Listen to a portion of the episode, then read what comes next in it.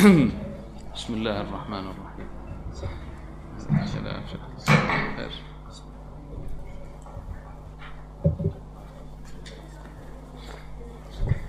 لا إله إلا الله بسم الله وصلى الله على النبي سيدنا محمد وعلى آله وصحابته أجمعين الباب الخامس من المرني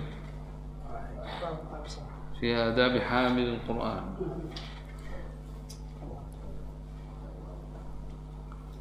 في كتاب التبيان لآداب حملة القرآن نسأل الله تبارك وتعالى أن يرزقنا فهم ما في هذا الكتاب والعمل به إنه ولي ذلك والقادر عليه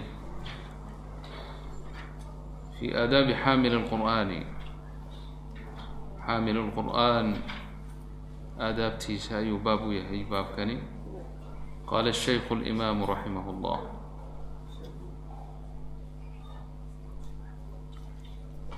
qad taqadama jumal minhu fi lbaab aladi qabla hada xaamil qur'aan aadaabta laga doonayo jumal ka mid ah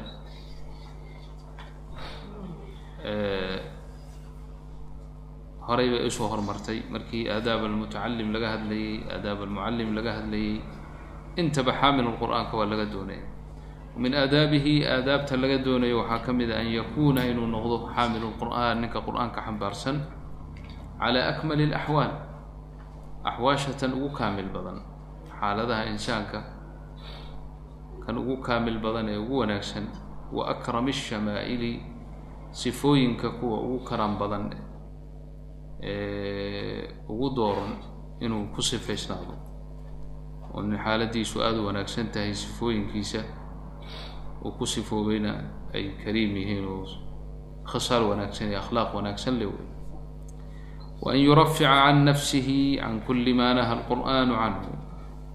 An yurafica can nafsihi naftiisa inuu ka kor yeelo oo ka tahiro can kuli maa naha allahu canhu naha alqur'aanu canhu. Waxallo wuxuu qur'aanku ka nahiyey oo xumaato ah inuu naftiisa uu ka kor yeelo uusan dhex gelin wey ijlaalan weyneyn uu weyneynayo lilqur'aan. Qur'aanka weyneynayo. Qur'aankan uu xambaarsan yahay uu weyneynayo. Wa an yakuuna inuu noqdo masuunan. Mid ka dhowrsoon can danii'i liktisaabi. Iktisaabka ama xirafka teeda danii-a ee hoos hooseysa ee dadka agtiisa ku liidata. Danii-u liktisaab iktisaabku caam ahaan shay xun ma aha qofku inuu wax kasbado oo ma garanaysaa risqigiisa uu isagu raadsado gacantiisa uu ku shaqaysto waa shay matluubun fi shar. Marka waa anwaac yani iktisaab wanaagsan oo sharaf le baa jira oo qofka qiimihiisa iyo sharaftiisa muujinaya. Iktisaab kale ama shaqo qofka yani hooseysiineysa oo qiimihiisa ridaysa ayaa jirta imaa danaa-adaasi min xayu sharca ha noqoto. Wax sharciguba uu nahiyey markaas muxaram bayba ka noqonaysaa marka yanbaqii noqon mayso waa waajib inuu ka fogaado. Wa ima min xayu alcurf walcaada iyo taqaaliidda dadka meeshaa ku wada dhaqan waxyaala laga yaabo mix minax ama waxaan u jeedaa mihan ama waxyaalo maalan gacanta laga sameeyo ama farsamaha oo dadka dhexdiisa fiima baynahum qofkii garanaysaa qiimo ridaysa haddii ay jirto inuu iska dhowra ayaa loo baahan yahay ninka xaamilul qur'aan si uusan dadka dhexdiisa uusan ugu qiimo beelin lianna qur'aankii buu xambaarsan yahay. Arrintaasina waa takhtalif min yani curfi ilaa curf. Dadka yani wadan iyo wadamaday u kala duwan tahay ama siday u kala dhaqan yihiin ama mujtamacaadku say kala yihiin? Marka wax alla wixii keeni kara danii liktisaab oo ma garanaysaa qiima ridi kara qofka walow iktisaab xalaalba ha noqotee inuu naftiisu uu ka dhowro xaamil qur'aan. Ayaa loo baahan yahay. An yakuuna shariifa nafs. Naftiisu miday shariif tahay oo aan yani hanqaltaag iyo dad iska dabarid iyo waxbari iyo yani ayna ku jirin. Shariifa nafsi waxaa inta badan loo isticmaalaa ninka dhowrsoon oo masuunka ahoo cafiifka ahoo aan dadka daba ordaynin oo shaxaadaynin oo wax ka qaadanayn oo daba orday marka xaamil qur'aan waa sidaa ku sifooba. Mutarafican xaal uu yahay cala aljabaabirati waljufaati min ahli dunya. Kuwa jabaabirada ahee kibirka badan ee ma garanaysaa madaxda iyo boqorada iyo raggaas ma garanaysa. Fog fog iskibrinaya inuunan isagu ishoos dhigayna uu ka sarmaro waxau xambaarsan yahay ka weyn. Kadalika aljufaa kuwa iyagu madaxda aan laakiin ama maalqabeennada ama jufaada ee ee diinta ka fog ee ma garanaysaa liidaya ahli diinka waa inuu iska sarraysiiyo wey mutarafican cala aljabaabira waljufaati min ahli dunya xaalata kownihi mutawaadican inuu noqdo mutawaadica liلصaalixiin dadka wan wanaagsan wa ahli اlkhayr dadka khayrka u ahalka ah wاlmasaakiin dadka masaakiinta inuu yani u tawaaduco ishoos dhigo wa an yakuuna mutakhashican had iyo goor mid khushuuc uu ka muuqdo inuu noqdo daa sakiinatin deganaasho mid u saaxiiba wa waqaarin xasilooni faqad jaءa cumar can cumar bn الkhaطaabi radia allahu canhu waxaa laga soo naqliyey annahu qaala inuu yihi yaa macshara alquraa irfacuu ru'uusakum faqad wadaxa lakum اطariiq waاstabiquu اlkhayraati wla takunuu ciyaala cala اnnaasi yaa macshara alquraa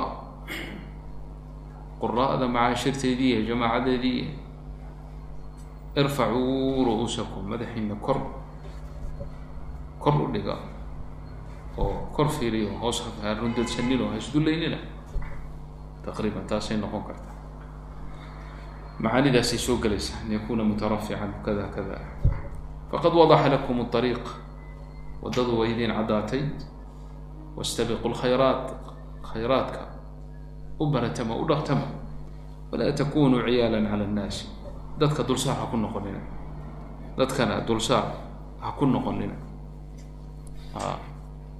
oo marka xaamil qur'aan waxaa wanaagsan inuusan isagu dulsaar ahaanine yani isaga mid loo baahdo uu noqdo ayaa wanaagsan ijlaala likitaab illah وعn cabdالlahi bni mascuudi radي allahu canhu qaala ynbagii lxaamili اlqur'ani an yucrafa bilaylihi id innaasu naa'imuun allahu akbar wbinahaarihi id innaasu muftiruun ida annaasu muftiruun an yucrafa bilaylihi ida annaasu naa'imuun wbinahaarihi ida annaasu muftiruun wbixusnihi ida annaasu yafraxuun wbibukaa'ihi ida annaasu yadxakuun wbisamtihi ida annaasu yakhuuduun wbkhushuucihi ida annaasu yakhtaaluun cabdillaahi bni mascuud radi allahu canhu waxaa laga rawiyey inuu yihi xaamilu qur'aanku waa inuu dadka ka duwanaadaa waxa ilaahay xambaarsiiyey awgeed marka yanbagii waxaa u haboon lixaamili اlqur'aan an yucrafa bilaylihi habeenkiisa in lagu garto. Ida annaasu yanaamuun ida annaasu naa'imuun habeenkii markay dadku hurdaan isagu inuu habeenkii mujaahado iyo qiyaam la yimaado ayaa habboon weey binahaarihi maalintiisa in xaamilu qur'aanka lagu garto oo sifo u noqoto ay bisiyaamihi sun inuu soomo. Ida annaasu muftiruun dadku waktiga ay afuran yihiin oo sida ramadaan oo kale oo fardi oo dadku wada sooman yahaysa ahayn maalmaha ma garanaysa aan farad jirin siyaam. Inuu soonka badiyo weeyaan wa bixusnihi murugadiisa ida annaasu yafraxuun kolkay dadku ay faraxsan yihiin isagu inuu xusni iyo tiiraanyo uu lagu garto. Bimacnaa yani xaamilu lqur'aan daa'iman qur'aanku saaxiib leeyahay qur'aanka hadduu saaxiib leeyahay xikamka qur'aanka iyo amhaashiisa iyo tadaburkiisa ayaan haddii wax farxaba u reebaynin. Maxaa yeelay qur'aanku waa kalaam haqiil kama qaala allahu tacaala yani inaa sanulqi calayka qawla haqiila wacdi iyo waciidna oo khatar ana waa xambaarsan yahay. Ninka marka carabka ku hargayo had iyo goor tadaburkiisuna badan yahay. Haddii say dadku u farxaan uma farxi karo waay ma aha lama odhanayo ma garanaysaa xusni iyo tiiraanyo aan jirin isku rid. Wa ilaa macnaha maqsuudku waxa weeye yani inuu had iyo goor uu khushuuciisa iyo tadaburkiisu u bato weeye. Oo dadku markay meelaha ay farfaraxsan yihiin oo boodboodayan usan la farxin isagu uu murugoodo leanna waxa uu xambaarsan yahay waa hadal weyn. Wa bibukaa'ihi ida annaasu yadxakuun dadku markay qoslayaan in isaga oohintii lagu garto nin ooyaya uu noqdo wa bisamtihi aamudis aamusidiisa fara badan. Ida annaasu yakhuuduun marka ay dadku wax laqwi ohoon faa'iido lahayn ay ku hadlayaan isaga in uu hamusnaado weeye uusan dhex gelin waxa ay dhex gelayaan iyo hadalka iyo waxa ay falanqeynayaan iyo waxaan faa'iidada aan lahayn inuusan isku mashquulin wabikhushuu khushuuciisa id annaasu yakhtaaluun marka dadku kibir meelaha la laaflaafyoonayaan la socdaan isaga khushuuc iyo sakiin iyo waqaar in lagu garta weeye aadaab yani waxyaalaha la doonaya in xaamilu lqur'aan uu dadka kaga duwanaado wey wacan ilxasani raximah llah ina man kana qablakum ra'w lqur'ana rasaa'ila min rabbihim fakanuu yatadabbaruunaha bاllayl wayunfiduunaha bاnnahaar xasan raximah llah waxaa laga soo rawiyey inuu yidhi wa xasanulbasri taabicigii jaliilka ahaaye ina man kaana qablakum qowmkii idinka idinka horreeyay asxaabta nebigu u jeedaa radia allahu canhum ra-w lqur'aana waxay arkeen ama u arkayeen rasaa'ila fariimo min rabbihim.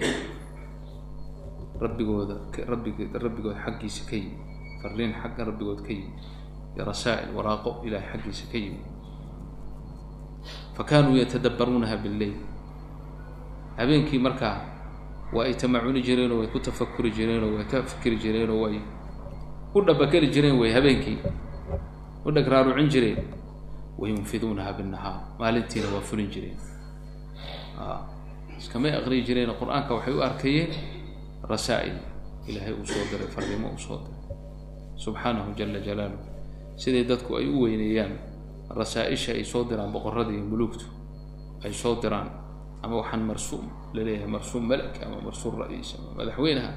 Ayaa soo waqacay waraaqda soo diray. Waa in lagu tadaburaa dabadeedna lagu dhaqmaa la hirgeliyaa xarfan. Hada bashar. Fakayfa biاllahi caza wajal ilaahay weynaa jala jalaaluhu wacaduma sulطaanahu walaa ilaha kayru marka qur'aanka saasay u arkayeen dadkii hore buu ujeeday ee umaynan arkaynin waxa un la iska aqriyo oo inta saa loo maro la ysaga tago وعن الفضيل بن عياض رضي الله عنه جزاك الله خير شكرا عن الفضيل بن عياض رضي الله عنه فضيل رحمة الله عليه waxaa isna laga soo naqliyey inuu yidhi yanbagii lixaamil الqur'ani anlaa takuna lahu xaajaة إlى أxadi min الkhulafaaءi faman dunahu bismi اllah waxaa habboon xaamilu qur'aanka qur'aanka ninka xambaarsan inuuna cidnaba dan u yeelanin iyo muraad midna inayna cidna waxba ka soo gelin una cidna u baahanin ilaa axadin min alkhulafaa'i khulafadii dadka madaxda a mid ka mida inuuna dan u yeelanin faman duunahum kuwa ka sokeeyaaba ka sii xag jiray yani madaxda iyo dadka khulafada ahee talada waddanka haya inuuna midna u baahaninoo uusan u teginoo isu dullayninoo wax ka baryinoo wax weydiisanin.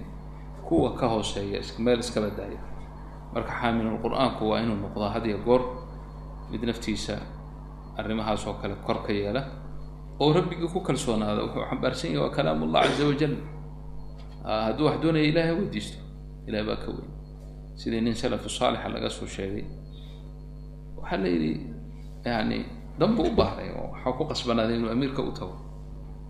Hase ahaatee horta waa tukada oo ilahay buu wax weydiistay ka bacdina amiirkii markuu u tagay. Wuxuu yihi ji'naaka lixaajatin xaajaanu kugu nimid oo caradnaaha calaa rabbina rabbigeena aan u bandhignay.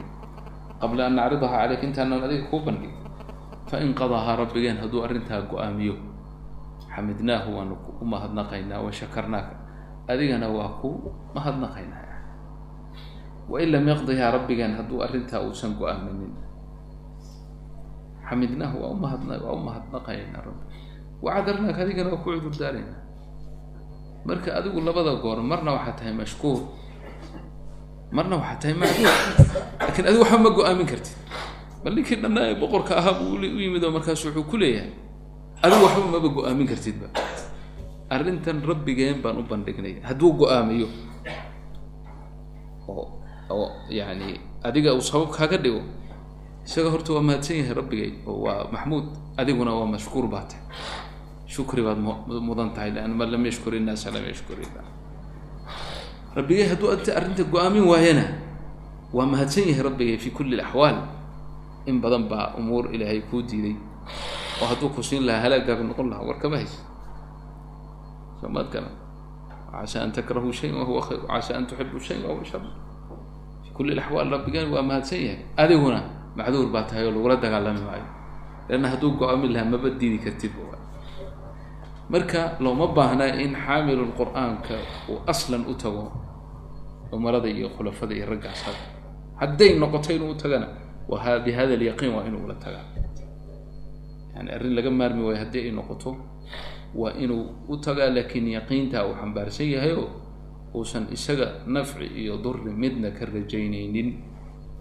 Alladii biyadihi kullu shay huwa allah. Allah. Ilahay hadduu wax go'aamiyo dad wax diidi kara adduunka o dhan ma jiraan. Qurumaha midooba iyo kuwa kala tegay hadday isu tagaan arrin ilaahay go'aamiyey ma joojin karaan.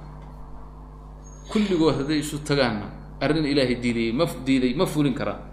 Saa waa inuu yaqiinsan yahay. Wa canhu fudayl raximah llah waxaa laga soo naqliyey xaamilu lqur'aani xaamilu raayat lislaam qur'aanka kan xambaarsan waa nin calankii iyo raayadii islaamka xambaarsan laa yanbagii marka ma habboona an yalhuwa inuu lahwiyo oo ciyaaro maca man yalhu kuwan iska ciyaaray walaa yasfu inuu iloobo maca man yasfu kuwan waxay lowsanay haafiliinta walaa yalqu inuu islaqwiyo waxaan aan faa-iido lahayn ku hadhadlo maca man yalqu kuwa ma garanaysaa laqwiga ku jira. Laqwiga iyo sahwiga iyo lahwiga waa macaani wa mutaqaariba kulligeed. Jaamiceedu waxa weeye kafle iyo ilaahay maaragtay la iloobo inuusan kuwa ka mid noqon tacdiiman lixaqi lqur'aan isagoo oo weyneynaya qur'aanka xaqa uu ku maadaama uu qur'aanka xambaarsan yahay. Faslun fi taxdiiri min itikaadi alqur'aani maciishatan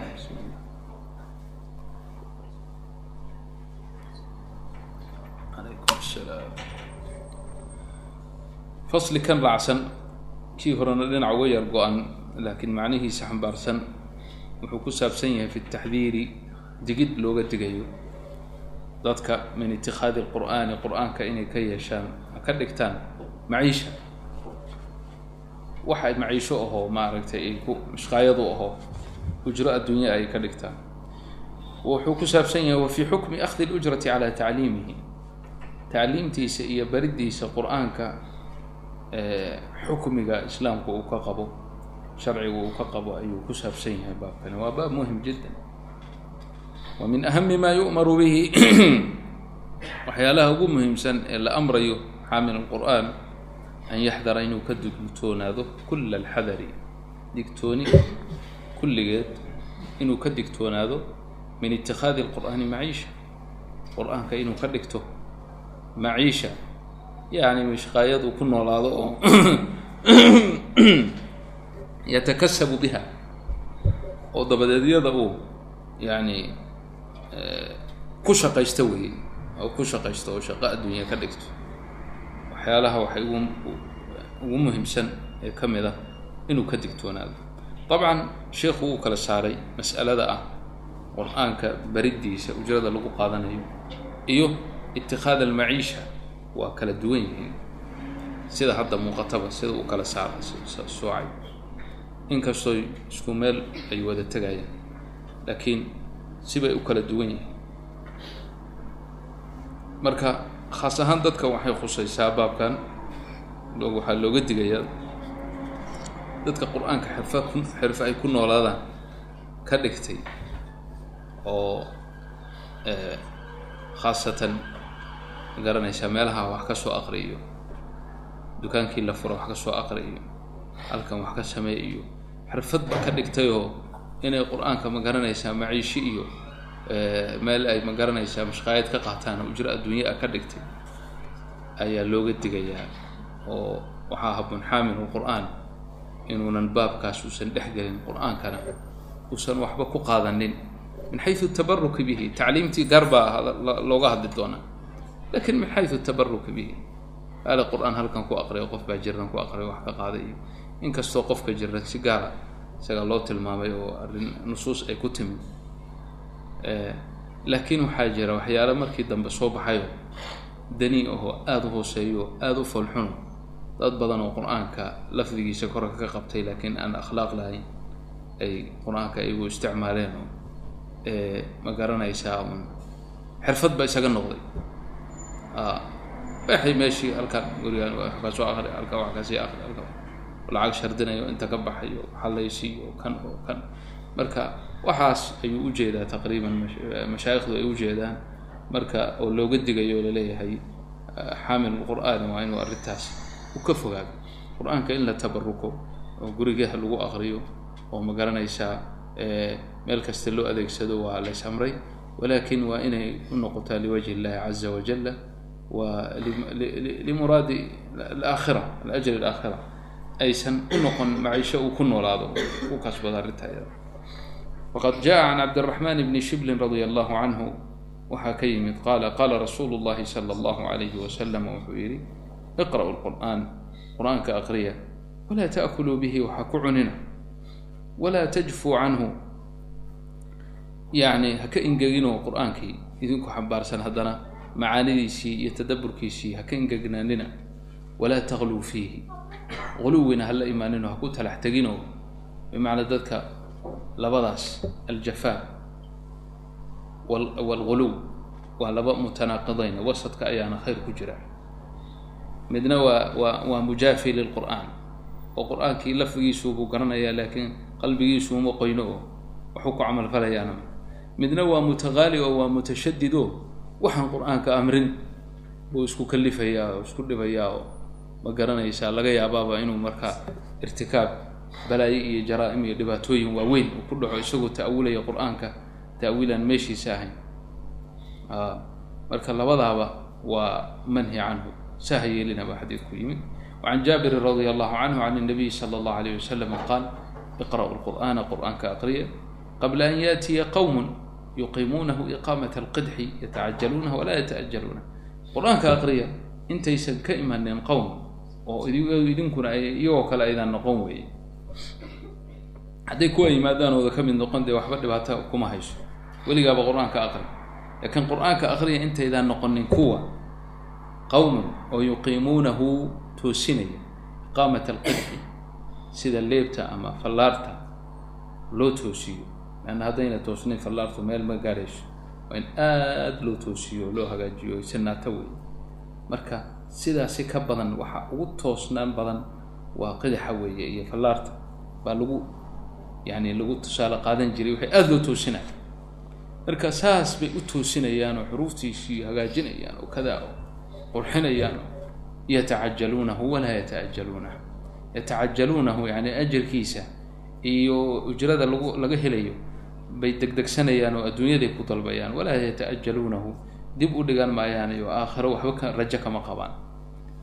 Aakhiro ajir ka hela maba ku jirtaba qalbigooda ee adduunyadan wax kaga faa'iidaysta oo adduunyada ku kasbada ya inta qowmkaas imaan marka aad bay u dhacday calaykum salaam intaas arrimahaas oo kale. Yani hadda maalan cilalkan uu hadduu sheekha uu sheegayo meelo fadan baradan oo dhaqamo carabaha u noqday baa iska jira. Wax maytam la yidhaha baa iska jiro. Qof markuu geeriyoodo meel baa la dhisayaa teenna la dhisayo waa laysu imanayaa. Marka nin walba ninka uu ka sii cod wanaagsan yahay oo ka waxaysan yahay ama ka mashhuursan yahay ama ka magac dheer yahay buu ka lacag badan yahay. Waa la yaqaanaa marka. Marka waaba laysugu faanfaanayaa ani habartay markay dhimatay. Waxaa yimid ma garanaysaa hebel sheekh hebel baaba. Maytamkeeda wax ka aqriyay baa la odhanayaa sheekhaasna marka waa in lacag fara badan isna wuu ku talagelayaayo. Ma ogola waxyaala yaryar iyo xaalahaas yaryar iyo kumaan kun waa inuu meeshaas ku qaataa. Marka qalbigoodiiba inta badan waa ka baxayba. Aakhira wax ku qaatay ilahay wax ugu dhawaadayo asaalatan inkastoo ma'tamkaani waxaan la isugu imaanaya waxbaba ka jirin. Oo inaan sharcigaba ku qotoonsanayn haddana haddii uun ilaahay dartii u samayn lahaayna waxbay noqon lahayd dhaqan bayba iska noqotayba.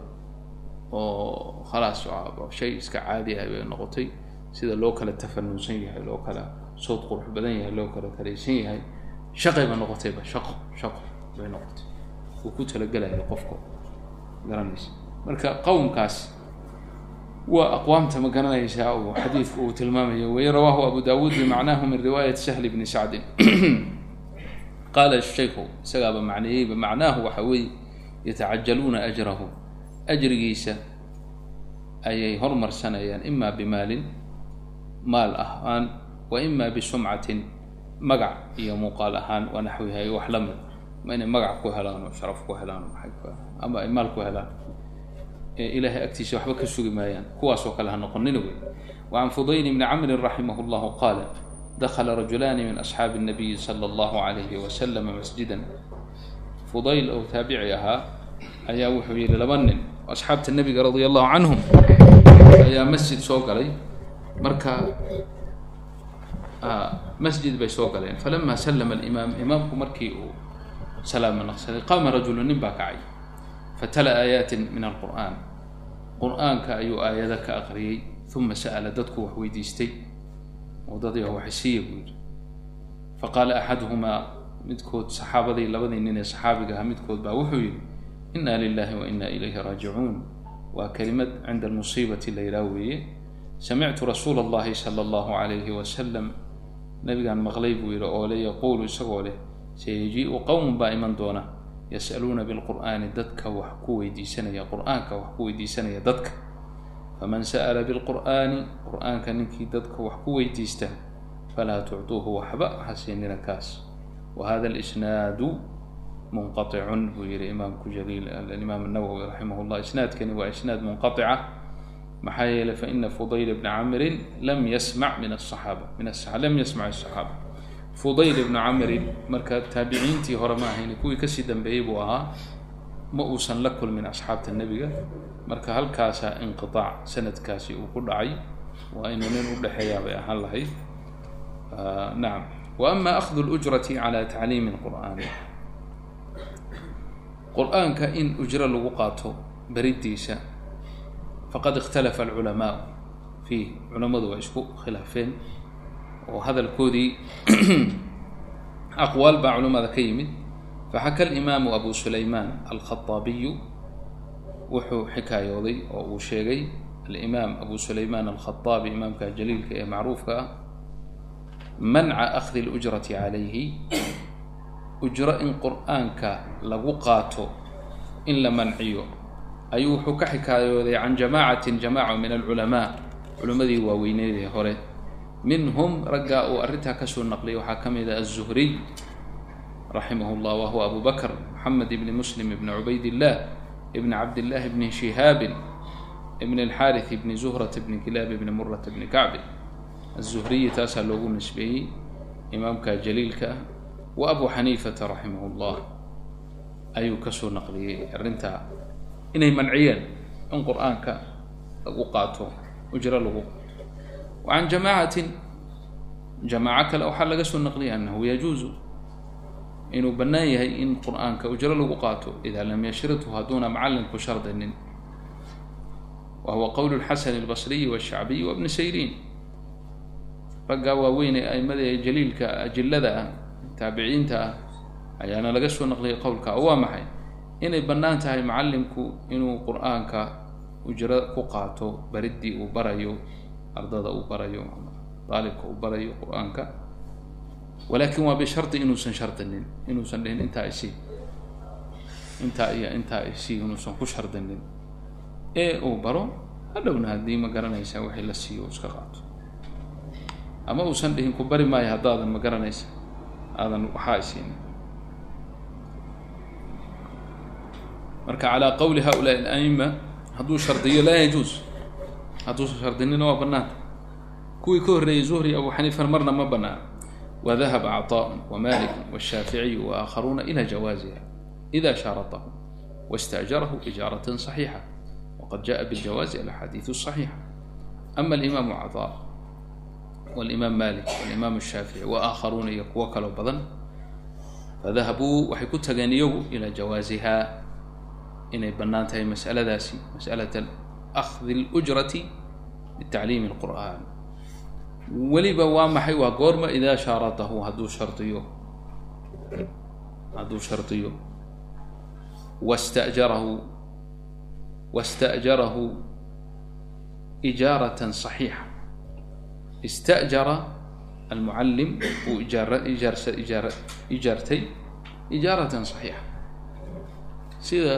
yani ijaaradan caadiga ahee macruufka ahee shuruudeeda wadata ee shaqo ii qabo intaana qaado oo kale haddii uu ninku uu macallinka uu arrintaas sharadkaas uu la galo oo yidhaha qur'aanka ama ibar ama ilmahayga bar intaasaan ku siinayaa ama bil ahaan baan kuu siinayaa ama sanad ahaan baan kuu siinayaa ama qur'aanka markaad dhammaysaan ku siinayaa ama sidii dhaqan soomaali ahaan jirtay markaad qur'aanka dhammaysa qaalib baan ku siinayaa haddii sidaa ay noqoto fahiya saxiixa waana ijaara saxiixa ijaarada saxiixa shardigeedana waxaa ka mid a inuusan ajrigaa uusan helaynin haddii uusan gudanin muhimmadiisii muhimmada qur'aanka ii xifdisii waa haddaad ii xifdisiito qaalin baad igu leedahay intaasoo kun baad igu leedahay marka min alijaara waxaa way inuu camalkii dhammaystiro hadduu dhammaystiri waayo oo qur'aankii bari waayo marka ujradii qaadan maayo marka qowlkaas ay aimada ay qabaan waqad jaءa biاljawaazi alimaamu nawowi wuxuu yidhi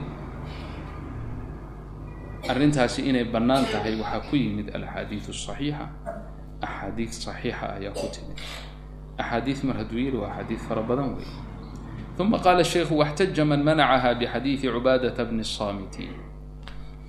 A'immadii manciyey waxay xujo ka dhigteen xadiidka cubaadata bni saamiti oo muxuu ahaa annahu callama rajulan cubaadatu bnu saamiti inuu baray nin min ahli sufati qolooyinkii ahlu sufada ahaa ee masjidka seexan jiray masaakiinta ahaa fuqarada ahaa nin ka mida inuu qur'aanka baray.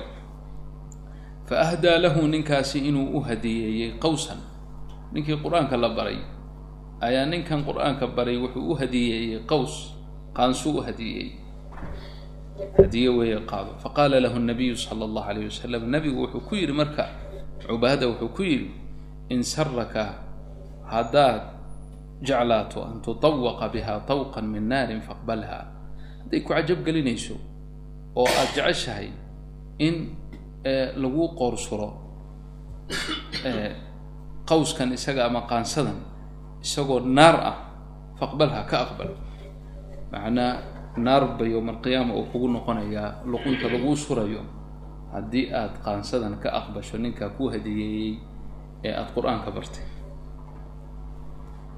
wahuwa xadiiu mashhuur weeye buu yihi imaam nawwi xadiidkani waa xadiid mashhuura rawaahu abu dawuud wagayruhu abu dawuud baa soo rawiyey iyo wagayruhu wa biaahaarin kaiira can salaf aathaar fara badan oo xadiidkan ku saabsan oo an la waxtaja man manacaha ayda biaahaarin kaiira can xadiidkan iyo aathaar fara badan oo salafkii ka sugnaatay bay cuskadeen qoladaa wax manciyey waajaaba almujawizuun qoladii bannaysay oo imaam shaafici iyo imaam malik iyo cataa iyo raggii la mid ahaa waxay iyagu uga jawaabeen arrintan can xadiidi cubaada bijawaabayni laba jawaab bay uga jawaabeen axaduhumaa kan hore ana fii isnaadihi maqaalan isnaadkiisa maqaal baaba ku jira idan falaa yucmalu bihi lianna masaa'il alxilli walxaraam buu soo galay ma aha fadaa'il alacmaal arrintu alxilli walxaraam mar hadduu soo galo mar haddii sanadkiisu maqaal uu galo falaa yucmalu bihi yani waa tahay taa waa mid waathaani arrinta labaad oo ay uga jawaabeen xadiidka wuxuu ahaa annahu kaana tabaraca bitacliimihi falam yastaxiqa shayئa uhdiya ilayhi cala sabiili اlciwadi falam yajuz lahu اlأkhdu bkhilaafi man yacqidu macahu ijaaraة qabla الtacliimi wallahu aclam aلthani waxaa weeye annahu tabaraca bitacliimihi marka hore uu barayey qur-aanka uu barayay ninkan tabaruc ahaan buu ku baray ee kulama shardinin waxaysii maadaama uu tabaruc ahaan ugu tabarucay inuu baro ma banaana marka xaq uma leh inuu ka qaato shay loo hadiyeeyey. Oo calaa sabiili alciwad muddadii uu bixiyey waktigii baxay loogu bedelayo la leeyahay qaado mar hadduu waktigiisii tabarucay oo tabarucay ka ahayd ilahay darti ay ka ahayd uma banaan falam yajuuz lahu laqdu idan uma banaanaanin inuu wax ka qaato bikhilaafi way ka duwan tahay man yacqidu macahu ijaaratan qabla atacliim qabla atacliim kan la shardiyey oo kula heshiiyey ijaaro saxiixa kula heshiiyey isagu arrintan uu ka duwan yahay taasay kaga jawaabeen aimada jawaabe naam halkan wuxuu hoos ka qabanayaa qaala alimaamu الsuyuuطi raximah اllah fi اlitqaan fi culuumi اlqur'an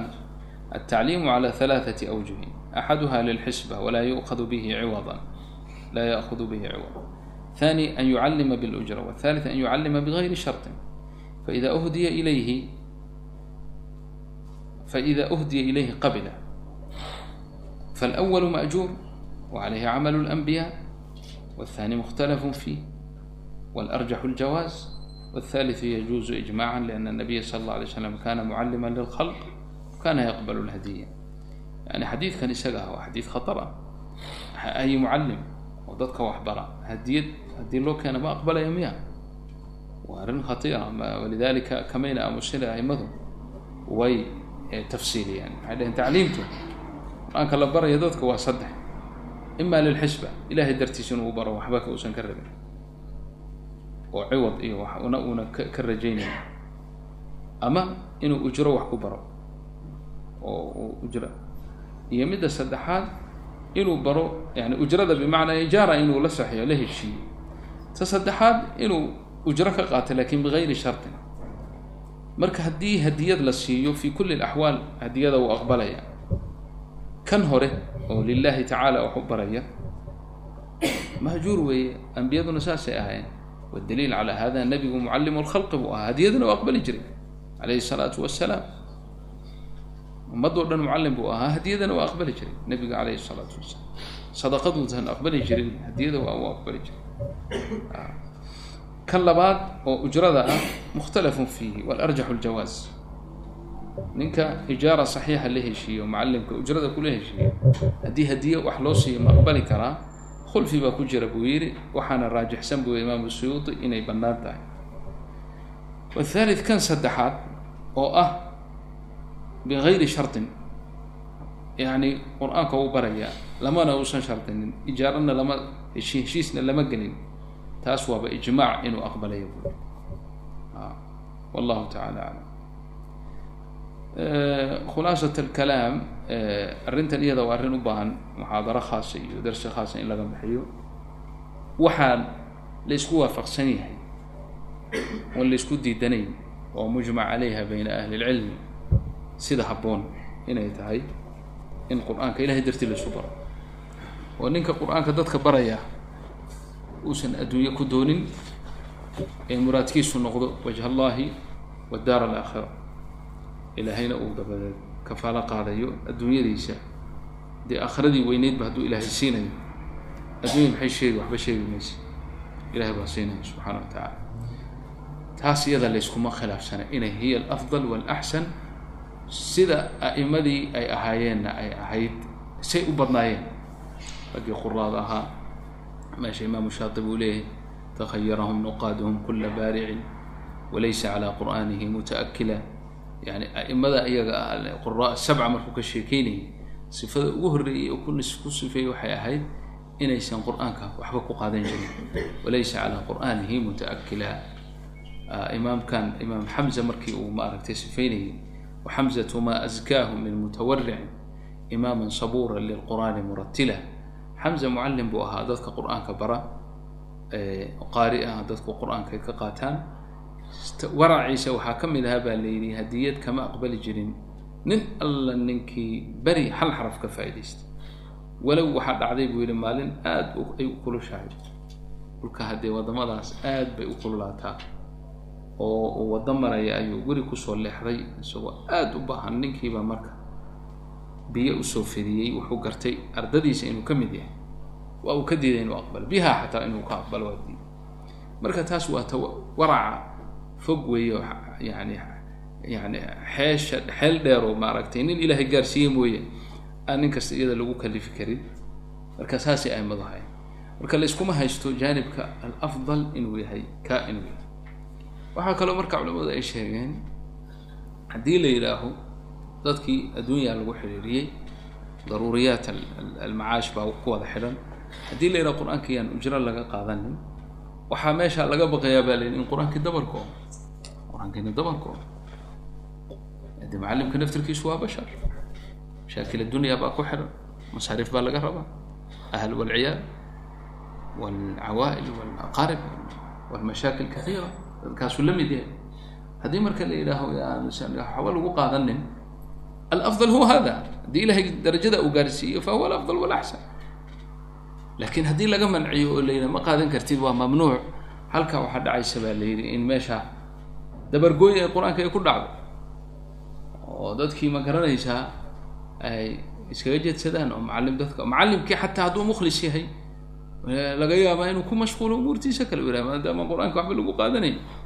De waayahay anaan meelahayga ka kasbado hadduu kasbasho galana wakti iyo faraaqo u heli maayo oo dadkii qur'aanka uu wax ku baro walidalika qowlka markii ugu dambeysay ugu caadilsan fi hadihi lmas'ala waxaa weeye haddii macallimku ama shaykhu qur'aanka dadka baraya khaasatan alqur'aan cilmigo kale o dhan uu iska soo gelaya khaasatan alqur'aan alkariim haddii ilaahay subxaanahu wa tacaala uu kaafiyo oo uu uu qani yahay uu ka deeqtoon yahay uusan u baahnayn ujro uga baahnayn dadkaas noloshiisuna aynan meeshaa ku xidhnayn waxa fiican inuu ka tawaruco marka inuu ka tawaruco oo uu ka fogaado oo uu xisbo ka dhigtay ilaahay dartiis ayaa wanaagsan laakiin haddii laakiin haddii uusan haysanin kifaayo kale falaa ba's.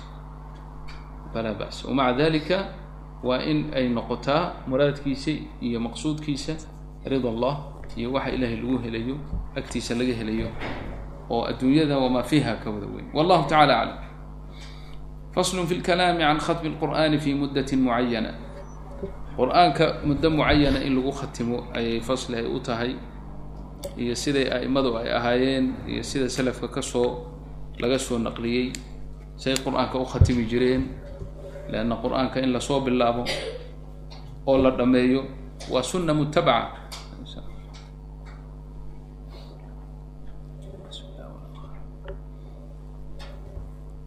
waxaa axaadiidta ku timid afdal lacmaali alxaal almurtaxil. Acmaasha waxaa ugu fadli badan kan gediga iyo safarka iyo rarfuriddu haddaan reerbaadiga la aadno rarfuridda iyo geediga marka waa rartiga iyo hawshiga la furo haddana la raro la safro ninkaas ayaa acmaashaasa ugu fadli badan oo waa maxay? Waa kan mar kuu rar furto haddana isla markii geedi gala. Mar alla markuu safar ku dhamaado safarka horey ka bilaabo. Waa maxay? Waa ninka waxaa weeye qur'aanka markuu dhammeeyo aan ku nagaanina isla markii khatmo kala bilaaba. Aladi yaktimu uma yabda. Walidalika waxaa sunna mutabaca noqotay min asalaf الsaalix qur'aanka markii la khatimo inaadan aadan dhame yani dhammaadkiisa aada ku joogsanine walow aayada aada ka soo bilowdaa kor. Soo celisaa waa khatimtay min aljinnati wannaas baa qur'aanka ugu dambaysa soo maha waa khatimtay halkaa ku joogsani suurat lfaatixa ka soo bilow walow shanta aayadooda suurat lbaqarana qaado si aada xadiidkaa wax uga gasho saasaa a'imadii salafu saalixa iyo qura'dii ay ku tageen waa meeshuu imaamu shaatibi leeyahay raximah llah wma afdal اlacmaali ila اftitaaxuhu maca alkhatmi xila wartixaala muwasala wafiihi can اlmakinati ida kabaruu fi akhir الnaasi ardafuu maca alxamdi xata almuflixuuna tawasula marka waxay noqotay sunno lagu dureeray oo aimadii hore o dhan mundu salafi الsaalixiin ilaa ywmina hada qur-aanka markaad khatimto min aljinnati wاnnaasa ku joogsanin suurat lfaatixa kusoo dar suurat lbaqara wax ka qaada. Haddaad waxoogay wadaysa waa fiican. Lakin cala alaqali shanta aayadood ulaa'ika hum lmuflixuun halkaa ku joogso si aad xadiidka aada uga qayb gasho. Marka qur'aanka in la soo bilaabo oo la dhammeeyo aad bay u wanaagsan tahay. Waxay ka mid tahay min min alacmaal aljaliila alcadiima qofku inuu qur'aanka muslimku inuu mu'minka inuu qur'aanka musaaxib la noqdo oo wehel ka dhigto oo had iyo goor uu la socdo haddana wardi yeesho qur'aanka wardi inuu yeesho oo uu khatimo. Yani waa arrin aada iyo aad jafaa ah oo ingeyg ah oo foolxumo ahoo fiicnayn adigoo muslim oo mu'mina. Hadiyadii ugu weyneydna ilaahay ku siiyo kitaabullaahi ah. Inaadan qur'aanka akrininba inaadan khatmoba lahaynba inaadan soo bilow iyo dhammaystir lahayn waa waxa weeye waa dabaalnimo aada u weyn. Waana ma garanaysaa runtii waa arrin aada iyo aada kuugu farxon weeye. Waa inaad qur'aanka aada khatmo yeelataa. Soo bilowda ood dhamaysaa ood soo bilowda ood dhamaysaa. Dad baa laga yaabaa inay ramadaanka moogi aysan qur'aanka sidaa yeelinba. Waa arrin aada iyo aad u farxon weeye waa laga fiican yahay. Marka labadii bilood mar baad dhamayn bishiima mar baad dhamayn tobankii beri mar miya toddobaadkii mar miya afartii cisho mar miya. Yani intaasoo idin waa ay kuu fiican tahay inta ay weliba khaasatan haddaad xaamilulqur'aan tahay qur'aanku waa tegaya haddaadan ku celcelin oodan wardigiisa badin marka waxay noqonaysaa inaad hadiya goor ad bal horta wuxuu aimada nooga sheegay imaamku aan akrino ka bacdi baa waxaan isu dardaarmayna isu dardaarmayna qaala yanbagii waxaa haboon an yuxaafida calaa tilaawatihi xaamil lqur'aan inuu qur'aanka tilaawadiisa uu ilaaliyo oo uu daa'imo weeyo wayugfira minha inuu badiyo. Wa kana lisalafi radia allahu canhum salafu saalixii raggii wan wanaagsanaa ee naga horreeyey caadaad bay lahaayeen mukhtalifa kala duwan fii qadri maa yakhtimuun inta ay ku khatimaan qadarkeed. Farawaa ibnu abi daawuuda ibnu abi daawuud raximah llah can bacdi salafi wuxuu ka soo naqliyey annahum kaanuu yakhtimuuna inay khatimi jireen kulli shahrayni labadii biloodba khatmatan waaxida hal khatmo labadii bilood maalintii xisbi bay noqonaysaa. Si ay lixdan beri markaa u noqoto ayuu soo noqliyay ninkaas. Wa can bacdihim qaarkoodna naqala can bacdihim fi kulli shahrin khatma. Bil kaste hal khatmo oo markaa waxay ku beegan tahay maalin kaste juz. Wa can bacdihim fi kulli cashri layaalin. Qaarkoodna waxay qur'aanka ay khatimi jireen tobankii beri mar. Wa can bacdihim qaarkoodna fi kulli hamaani layaalin kulli sideed habeen sideeddii habeenba inay mar dha dhameeyaan. Wa can inta badanse fi kulli sabcin sabci layaalin toddobadii habeenba mar. Wa can bacdihim fi kulli sittin yani kuwii ugu badnaa toddobaad. Waa meesha soomaalidu ay odhan jireen jallaad ama subac odhan jireen.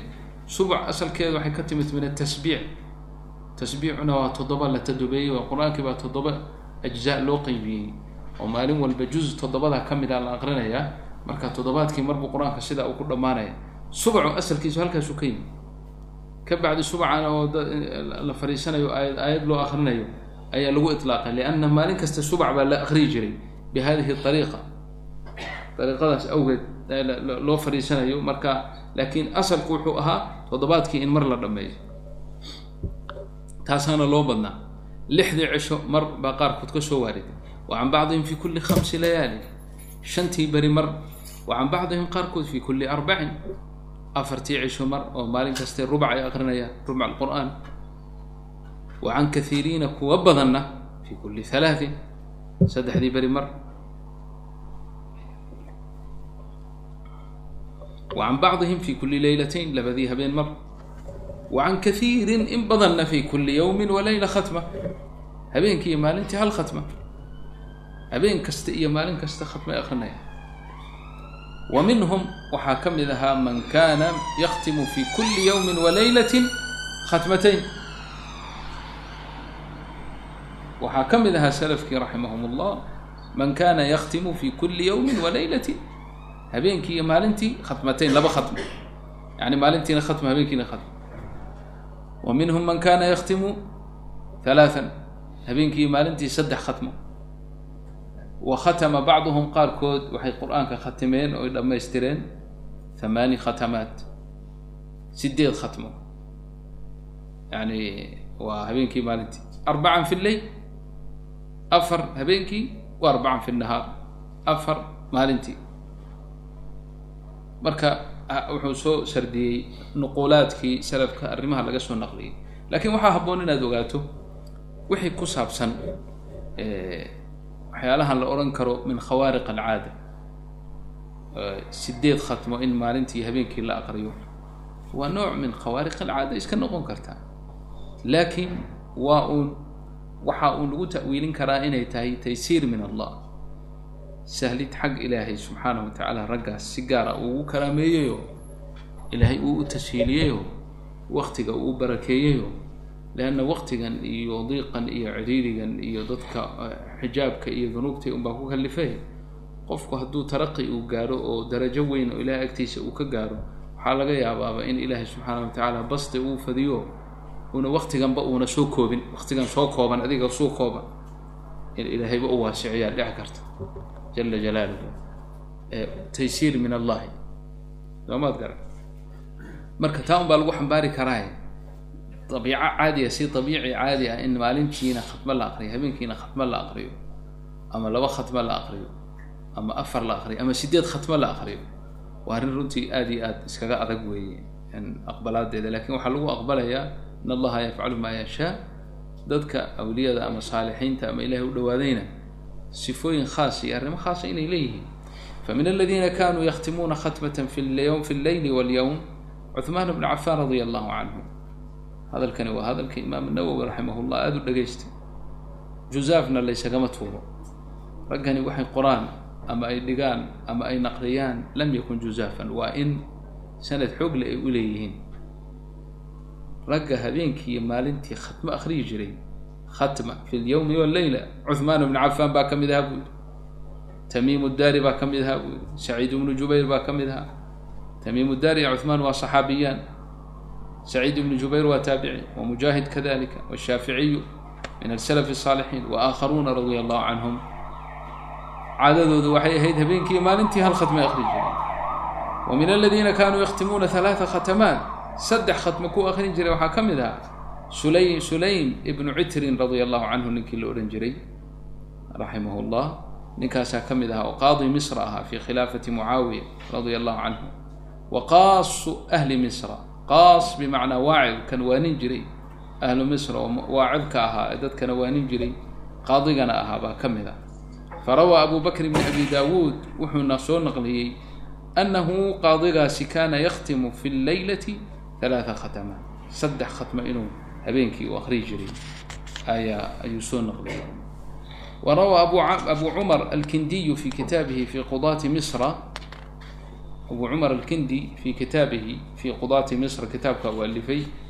Qudaatu misra uu tarjamaynayay annahu kaana yakhtimu fi lleylati arbaca khatamaat sulaymkaas inuu afar khatmi afar khatim uu khatimi jiray qur'aanka wa qaala shaykhu saalixu alimaamu abu cabdiraxmaan assulamiy radia allahu canhu imaamka jaliilka ee abu cabdiraxmaan assulamiy min kibaar alquraa'i min kibaar ala'ima ka mid ahaa wuxuu yidhi samictu shaykha abaa cuhmaan almaqribiy radia allahu canhu oo leh yaquulu isagoo leh kaana bnu lkaatibi radia allahu canhu ninka loo ihaa ibnu lkaatib radia allahu canhu yakhtimu wuxuu ahaa mid khatima binnahaari arbaca khatamaat afar khatin wa billeyli arbaca khatmaat afar khatmo billeyl iyo afar khatmo oo binnahaar wa haadaa buu imaamu nawowi raximah llahu leeyahay akharu maa balaganaa fi lyowmi walleyla wixii ugu badnaa ee naga soo gaaray salafu saalix khatimkii ugu badnaa ee naga soo gaaray weeye in sideed khatmo la aqriya maalintii habeenkii waa ibnu lkaatib abu cuhmaan almaqribina ninkaas salafu saalixa ahaana nin cajiib luu ahaayo waa ninka intuu u tegay ninka timaha xiira isagoo ka xiiraya ayuu wardigiisibuu joojin waayey. Markaasuu ninkii timaha xiiraya baa yihi sheekhow bal jooji waxaanaad akrinayso lianna dhaqdhaqaaqa afkaaga uu dhaqdhaqaaqayo ayaa laga yaabaa inaan maaragtay gacantu ay sakiintu markaa madaxaaga intay taabato aan ku dhaawacee bal jooji waxaanaad akrinayso inta aan kuu xiirayo madaxa. Marka sheikuna wuxuu ku yidhi wa anta amsik الzaman yani amsik can dikri buu yihi dikriga jooji wuxuu yihi waayahay adigana zamanka ii qabo zamankan igu socda ii qabo ii xajiisun iga tegi marka anna waan joojinayaa dikrigii. Wuxuu yihi ma xajin karo zamanka anna joojin maayo. Dikrigiisu iska wati abu cuثmaan almaqribi haddii lala yaabi maayo dee sheekhiisii ragga u ka sheekaynaya ibn اlkatib sideed khatmuu lahaa afar habeenkii afar maalintii ah. Marka ayaa madaxa u xiri kara kaasoo kale. Allahu aclam wakti madaxa lagu xira ma yeelanayo sooma subxaan allah waa un daaqo ilaahay uu siiyey iyo waktiga ugu barakeeyey. Un baanu odhanaynaa mooye wax oo dadka hadda dadkan basharka caadiga ee muufada iska cunaaya ay la iman karaan ma aha. Waa wax un ilaahay subxaanahu wa tacaala un daqiiq khaasa uu dadka u siibay warawa sayid اljaliil axmed addaruqiyu biisnaadihi can mansuur bni zaadan. Imaamkaas min cubaadi taabiciina ka mid ahaa taabiciinta kuwooda cubaada ahee cibaadada badan. Wuxuu asayid اljaliil axmed uu mansuur ka soo naqliyay anahu kana yakhtimu اlqur'ana fi ma bayna الظuhri wاlcasri wayktimuhu ayضa fi ma bayna اlmaqribi wاlcishaaءi wayktimuhu fi ma bayna اlmaqribi wاlcishaaءi fi ramadaana khatmatayni wa shay-an wa kanuu yuahiruuna اlcishaaءa fi ramadaana ila an yamdi rubc اleyl imaamka jaliilka wuxuu ka soo naqliyay duhurkii casarka khatmuu akriyi jiray inta udhexaysa maqribki iyo cishaha inta udhexaysana khatmuu akriyi jiray.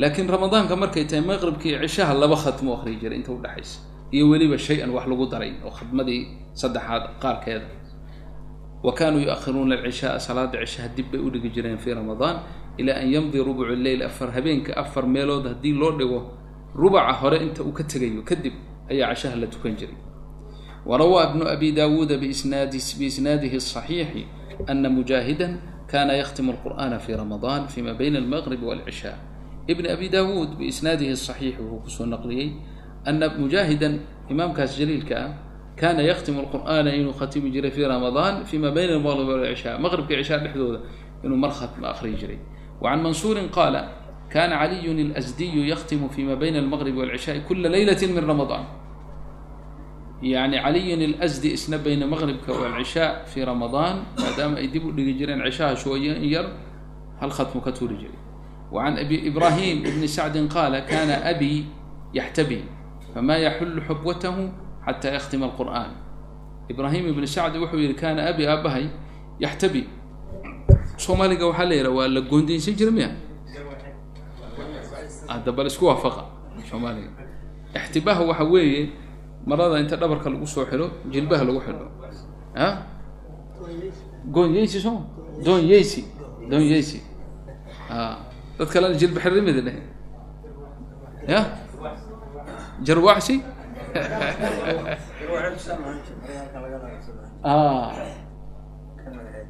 calaa kulli xaal. Waa dhaqan aan ku arkayun anigu haddaan adduunka yar arkay soomaalida iyo yamanta iyo way leeyihiin yamanta yamanta u badan soomaaliduna halkaas dee yaman unbay ka tageen baan u malayn soomaaliduna waa leeyihiin dadkan kale carabahan kale weligay kuma arkin. Laa qoladan masaarida iyo kuwaan kale iyo abadan maba ku arkaysa maba u dhaqanba uma ah laakiin waa dhaqan hore oo carbeed oo horay u jiray weeye. Fulan waxaa loo leeyahay tuxallu lahu lxubaa. Hebel ixtiraam wuxuu ka gaadhay iyo taqdiir. Markuu soo galo yani maradaasaa loo furaa dadku macnaha waa saasay u wada doonyeynsan yihiino mar alla markuu soo galo maradaa la furi waa loo kaci weeye marka fulan saasaa le horay arrin dhaqan u ahayd bay ahayd. Marka aabbahay wuxuu yidhi wuxuu bahasaasu maradaasu xidhan jirayoo doonyahaaso ka bacdina ma kana yaxullu xubatahu mausan furaynin xata yakhtima alqur'aan. Marba hadduu marada inu qur'aanka ka dhameeya isagoon qur'aanka dhamaynin furi usmaayo ama aladiina khatamuu lqur'ana fi rakcatin falaa yuxsawna likahratihim famin almutaqadimiin cuثmaan bnu cafan watamiim اdari wasaciid bnu jubayr khatamahu fi rakcatin fi lkacba kuwa iyagoo qur'aanka khatimay fi rakca falaa yuxsawna likahratihim waa badan yihiin rag badan baa laga soo naqliyay wiil yaroo ardadayda ka mid a beri dhawe ii sheegay qur'aanka qolada aniga qira'aadka iga qaatay ah makuu tago wuxuu yidhi waa ilahay baa waafajiy waan iska istaaga hal ragcaan ku dhameeyuna qur'aanka. Beenna ma sheegaynin dee wax ku kalifaya ma jiro marka waa badan yihiin ragga qur'aanka hal hal ragca ku khatimay. Fa min almutaqadimiin raggii hore waxaa ka mid a cuثmaan ibn cafaan tamiim bnu dari saciid ibnu jubayr waxay ku khatimeen rakca fi lkacba kacbada gudaheeda. Ay hal ragca ku khatimeen. Wa ama aladiina khatamuu fi lusbuuci mara kuwa usbuuci mar dhamayn jira qur'aanka fakaiiruun nuqila can cuثmaan bni cafaan wacabdillahi bni mascuud وزيد بن ثابت وأبي بن كعب رضي الله عنهم وعن جماعة من التابعين كعبد الرحمن بن زيد وعلقمة وإبراهيم رحمه الله رجع أصول شيء يقولن وحا عادة أهيد أو سنة دريرتي أهيد أو لقى نقلية أو يبضنايين إن أي قرآن كختمان في كل أسبوع مرة usbuuci hal mar inay qur-aanka ay khatimaan baa caado u ahayd ayib salaaddii ma adaanka ma la gaad shacbaan ka dhig afar daqiiq قال الشيخ والاختيار أن يختلف باختلاف الأشخاص فمن كان يظهر له بدقيق الفكر لطائف, مع... لطائف ومعارف فليقتصر على قدر على قدر يحصل له كمال فهم ما يقرأه والاختيار سيل سيل سيل دورنا يا مركا الرما بدن بات سو شيكتي باتري يا أيها الإمام فما المختار حال دورنا يا wuxuu ila mukhtiyaar sida ikhtiyaarka ee la doortay wanaagsan ana dalika yakhtalif. Wuxuu ku kala duwan yahay biikhtilaafi alashkhaas dadku say u kala duwan yihiin faman kaana yadharu lahu ninkay u muuqanayso ama ay u daahirayso ama ay u soo baxayso bidaqiiqi lfikri fikirka kiisa yani daqiiqa ahee mastuurka ahee khafiga ah lataa'ifu wa macaarifu. Lataaif fara badan waxyaalaha qarqarsoon oo xikama iyo macaarif culuum fara badan qur'aanka tadaburkiisa ku heli kara oo qur'aanka markuu aqrinayo umuurtaasi ay u soo baxayso ama ahaato fiqiga ha ahaato ama xikam ha ahaato ama mawaacid ha ahaato ama waane ha ahaato ama ictibaar ha ahaato falyaqtasir ha ku koobo oo ha ku isku koobo calaa qadrin oo yuxasilu lahu kamaala fahmi maa yaqra'uhu oo uu ku heli karo waxa uu aqrinayo fahamkiisa kan ugu kaamil badan uu ku heli karo. Wakada man kana mashquulan waxaa la mid ah kaas waxaa la mid ah. Yani midi waxa weeye wuu awoodaa waqtina wuu ahayaa laakiin wuxuu door biday inuu in yar akriyo sida si ay ugu soo baxdo xikam fara badan. Raggii maalan rag badan baa laga sheegi jiray fuqahada ka mid ahaa oo xikam fara badan iyo axkaam fara badan iyo lataa'if fara badan ay qur'aanka ay uga muuqanayso hadday si ta-uda ay u aqriyaan nina waa mashquul binashri اlcilmi buu mashquul ku yahay aw gayrihi min muhimaati اddiin wamasaalix almuslimiin alcaama ama waa qaadi ama kada ama mucallim ama mudaris weeye.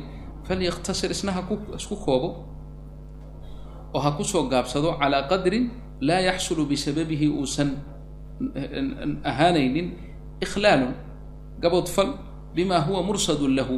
Waxa loo diyaariyey. Arrinta loo diyaariyey ama arrinta arrinta loo xil saaray ee shaqo ahe ummadda uu hayo uusan ku gaboodfalaynin qur'aan baan akrinaya awgeed wain lam yakun min haulaai almadkuuriin hadduuna kuwa uusan ahayn falyastakfir maa amkana. Ha badsada intii uu awoodo min gayri khuruujin isagoon u baxaynin ilaa xaddi lmalal malal iyo kasal iyo bimaanaa xiise aana gaarsiinaynin wala hadrama. Hadramada waa qur'aan la akriyo oon la kala fiirinin axkaamtiisii iyo tajwiidkiisii iyo makhaarijtiisi iyo sifaatkiisa la isku dhex qalday labadaa mar hadduuna u baxaynin ha badsada intuu badsan karo. Marka macnaa ikhtiyaarka imaam nawowi raximah llah labuu meesha ka soo saaray. Mid waxa weeye nin waqti haya laakiin in yar inuu aqriyo ay keenayso inuu lataa'if fara badan iyo xikam fara badan iyo umuur fara badan oo tadabur badan macaani badan ilaahay uu cabqariya uu siiyey oo ummadda uga faa'ideynaya kaa intaa ha ku koobsano midna waa mid kale oo mashquula oo hawl loo xil saaray ama umuur ku mashquulsan oo min muhimaati almuslimiin ama waa mucallim ama waa qaadi ama waa kada marka ha ku koobsado qur'aanka in aysan keenaynin ikhlaal ma huwa mursadun lahu. Arrintan loo diyaariyey ee loogu talagalay inuu qabto aysan khalal ayna ku dhacaynin.